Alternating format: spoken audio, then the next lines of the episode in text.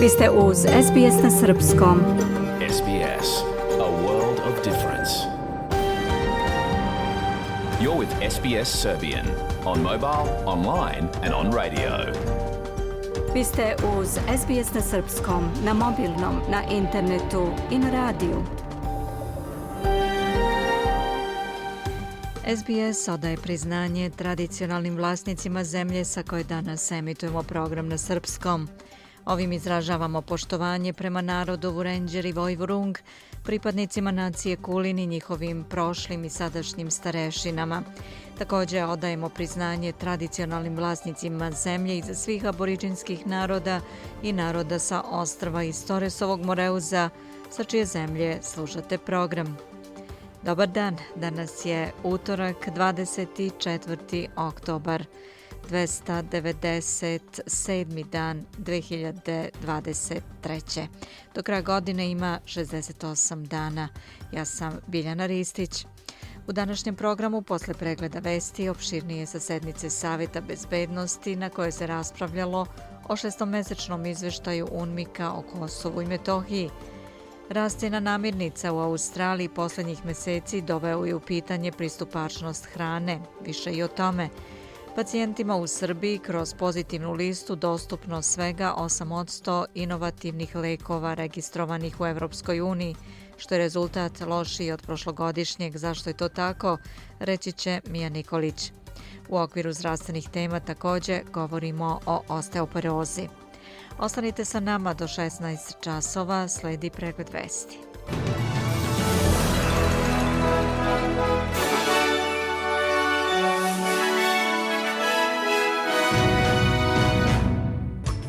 Tokom drugog dana posete Sjedinjenim državama, premijera Australije najavio veliku investiciju Microsofta.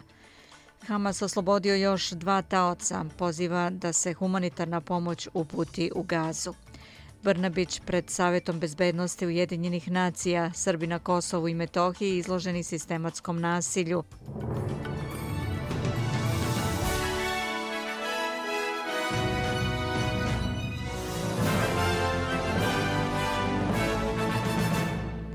Premijer Anthony Albanizi učestvovao je u ceremoniji polaganja venaca na grob neznanog vojnika na nacionalnom groblju Arlingtonu u Sjedinjenim državama. On je također odao poštu dvojici australijanaca koji su sahranjeni na groblju u američkoj državi Virginije, posljednjem počivalištu više od 400.000 američkih vojnika i njihovih porodica kao i stranih državljana. Premijer boravi u četvorodnevnoj zvaničnoj posjeti Sjedinjenim državama i predsjedniku Bajdenu, što je deveti sastanak dvojice lidera od pobjede gospodina Albanizija na izborima 2022.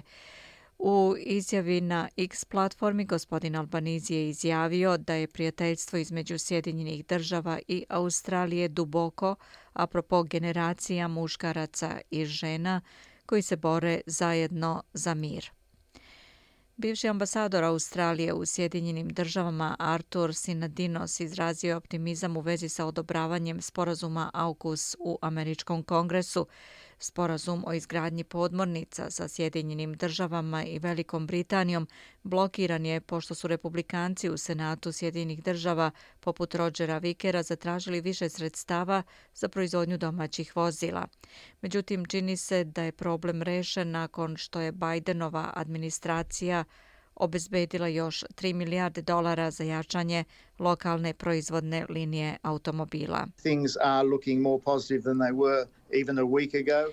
Gospodin Artur Sinadinos je rekao za ABC da je klima sada mnogo pozitivnija kada je reč o sporazumu.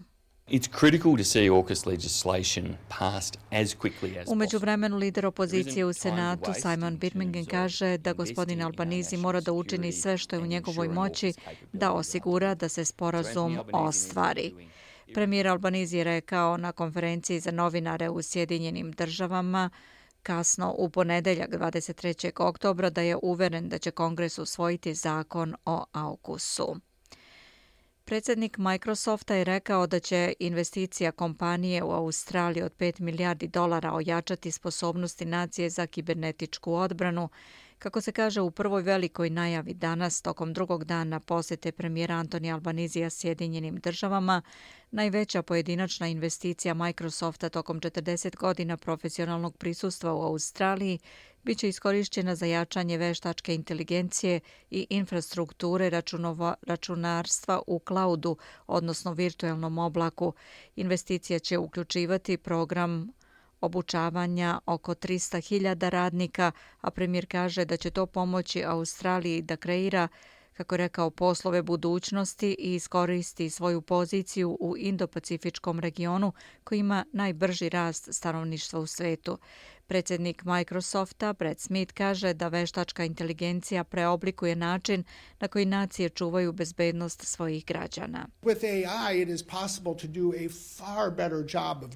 Sa veštačkom inteligencijom je moguće uraditi daleko bolji posao otkrivanja kibernetičkih pretnji i daleko brži posao analize onoga šta se dešava, a sa tim podacima i tom analizom mogu se preduzeti novi koraci da se nacija učini bezbednom, rekao je on. Više od 500.000 domaćinstava i preduzeća u Queenslandu uskoro će imati pristup bržem internetu. Nadogradnja infrastrukture nacionalne širokopojasne mreže NBN uskoro će biti završena nakon što je federalna vlada uložila 2,4 milijarde dolara u oktobru prošle godine za proširenje NBN pristupne mreže na više od 1,5 milion objekata. Oko 660.000 tih objekata nalazi se u ruralnim i regionalnim zajednicama širom Australije sa oko 68% domaćinstava i malih preduzeća u Queenslandu koji ispunjavaju uslove za uvođenje brze internet mreže. Vi slušate SBS pregled vesti na srpskom. Tačno je 15 časova 7 minuta. Palestinska ekstremistička grupa Hamas oslobodila je još dve žene koje je zarobila kao taoce u napadima 7. oktobra, potvrdili su predstavnici Crvenog krsta. Izraelski mediji su objavili da se radi o Nurit Cooper i Joševet Livšic, a ovo je usledilo nakon nepotvrđenih izveštaja o mogućem oslobađanju još 50 talaca sa dvojnim državljanstvom. Zemlje Evropske unije i dalje razmatraju ideju o prekidu vatre u ratu između Izraela i Hamasa, ali i dalje postoje različiti načini da se dostavi neophodna pomoć palestincima u Gazi, izjavio je švedski ministar spoljnih poslova Tobias Bilstrom. Ovo je usledilo nakon što su lideri Sjedinjenih država, Ujedinjenog kraljevstva, Francuske, Kanade, Nemačke i Italije izdali saopštenje u kojem se poziva Izrael da se pridržava međunarodnog prava i zaštiti civile, dok su također ponovili pravo Izraela da se brani od terorizma. Ujedinjene nacije saopštile su da civilima ponestaje hrane, vode i skloništa od nemilosrdnih udara iz vazduha u kojima su neki delovi gaze pod upravom Hamasa sravnjeni sa zemljom. Deo pomoći prebačen je preko jednog prelaza u Gazi, ali prema podacima sa terena to je samo delić onoga što je potrebno. Do ponedeljka je ušlo još 20 kamiona, ali budući da nestaje goriva, to može ugroziti celu humanitarnu operaciju. Savet bezbednosti Ujedinjenih nacija održat će danas sednicu povodom rata između Izraela i palestinske militantne grupe Hamas. Očekuje se da će generalni sekretar Ujedinjenih nacija Antonio Guterres izvestiti članice o situaciji na terenu, a sednici će moći da prisustvuju i zemlje koje nisu članice Saveta bezbednosti, prenosi New York Times. Međunarodni sud pravde u Hagu saopštio je juče da je odlučio da održi javnu raspravu o zahtevu za savjetodavno mišljenje u vezi sa pravnim posljedicama koje proizilaze iz politike i prakse Izraela na okupiranoj palestinskoj teritoriji, uključujući istočni Jerusalim, kako se kaže. Rasprava će biti otvorena 19. februara sljedeće godine u Palati Mira u Hagu, navodi se u saopštenju suda. Predstavnice Srbije i Kosova Ana Brnabić i Vjosa Osmani iznele su teške i oprečne navode o nedavnim događajima u Banjskoj i bezbednostnoj situaciji na Kosovu na sednici Saveta bezbednosti Ujedinjenih nacija. U tom telu raspravljalo se o redovnom šestomesečnom izveštaju UNMIKA o stanju na Kosovu u periodu od 19. marta do 18. septembra ove godine. Šefica misije Ujedinjenih nacija na Kosovu Karolin Zijade u svom izlaganju se fokusirala na nedavno nasilje u Banjskoj u kojem su poginuli jedan kosovski policajac i troje lokalnih Srba. Stalni predstavnik Sjedinjenih država pri Ujedinjenim nacijama Robert Wood pozvao je Srbiju i Kosovo da se što pre vrate dijalogu pod okriljem Evropske unije, učine neophodne korake i primene već postignute dogovore. Opširnije o tome i kasnije u programu.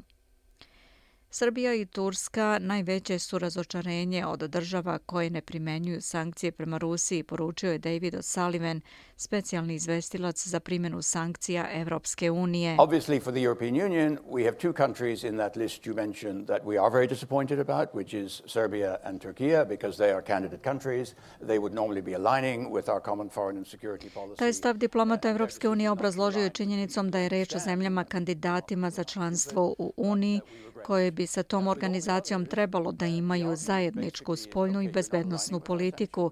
Razumemo razloge zbog kojih nisu uvele sankcije Rusiji i istovremeno nam je žao zbog toga, rekao je O'Sullivan u Vašingtonu tokom debate nevladinog Atlantskog saveta o učinku restriktivnih mera uvedenih Rusiji zbog rata u Ukrajini pokrenutog u februaru 2022.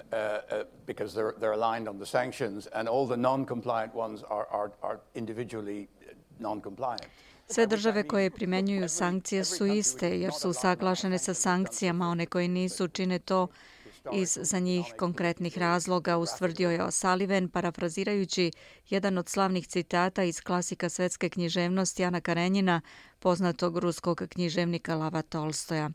Uz to, evropski diplomata ukazao je da za takva ustručavanja postoje brojni razlozi od političkih, ekonomskih, preko istorijskih, geografskih i drugih.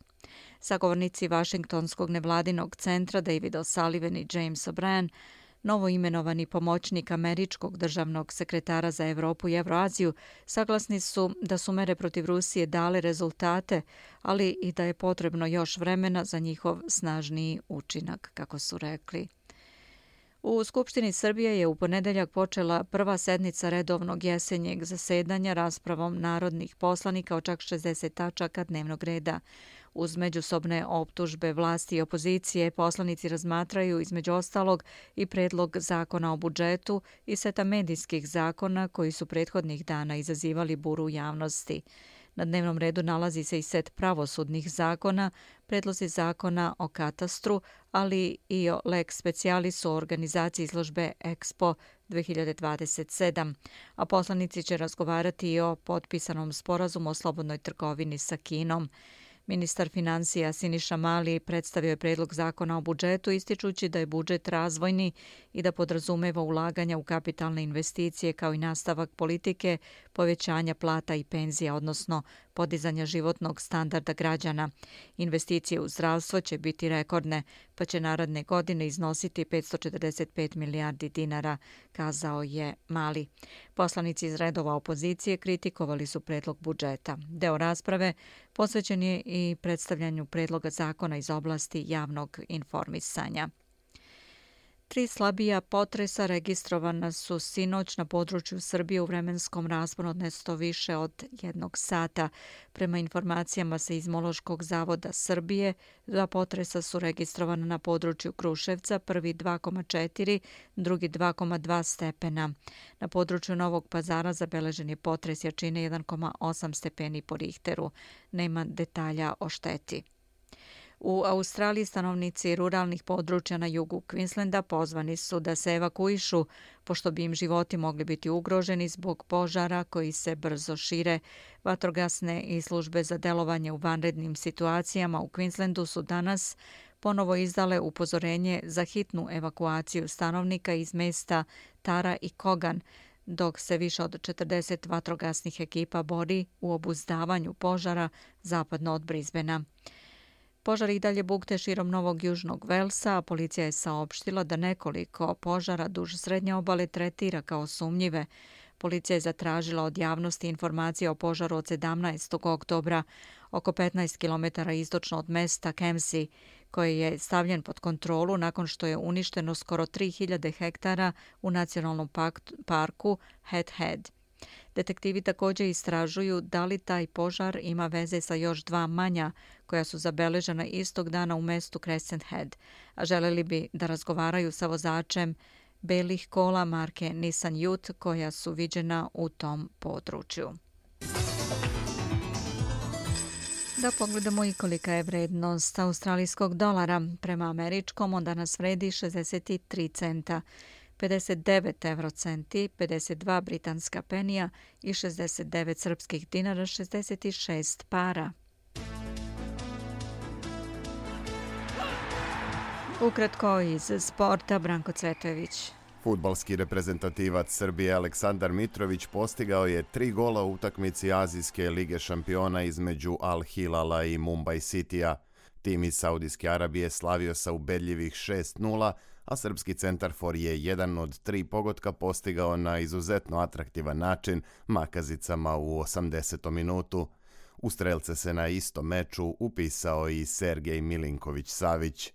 U okviru treće kola Azijske lige šampiona sutra će svoj meč odigrati i Melbourne City. Predstavnik Australije gostuje na Tajlandu ekipi Buriram United. Utakmica počinje u 21 čas po standardnom vremenu istočne obale. A košarkaši Beogradskog mega basketa priredili su iznenađenje u četvrtom kolu regionalne ABA lige pošto su na domaćem terenu savladali Partizan 88-86. Istovremeno Crvena zvezda je kao gost pobedila FMP u Železniku rezultatom 83-72 i tako preuzela vodeću poziciju na tabeli Jadranske lige. Na ovom meču na klupi Crveno-Belih je debitovao grčki trener Janis Sferopulos koji je proteklog vikenda zamenio Duška Ivanovića. Pored zvezde 100% učinak posle četiri kola ima još samo Podgorička budućnost, dok ekipe Partizana, Studenskog centra i Gokeje imaju učinak od po tri pobede i jednog poraza. I na kraju ovog bloka da pogledamo i vremensku prognozu do kraja dana. U Pertu je sunčano sa 27 stepeni. Adelaida mestimično oblačno i vetrovito 17. Melbourne sa sunčanim periodima vetrovito 23. Hobart vetrovito tokom popodneva i noći 21 trenutno. U Kamberi je sunčano 26, sunčano je i u Sidneju 28, u Prizbenu 27. U Darwinu je mestimično oblačno sa 32. Beograd danas tokom dana pretežno oblačno vreme do 25 stepeni. Slušali ste pregled vesti na srpskom jeziku. Za sve najnovije posetite sbs.com.au kosacrta news.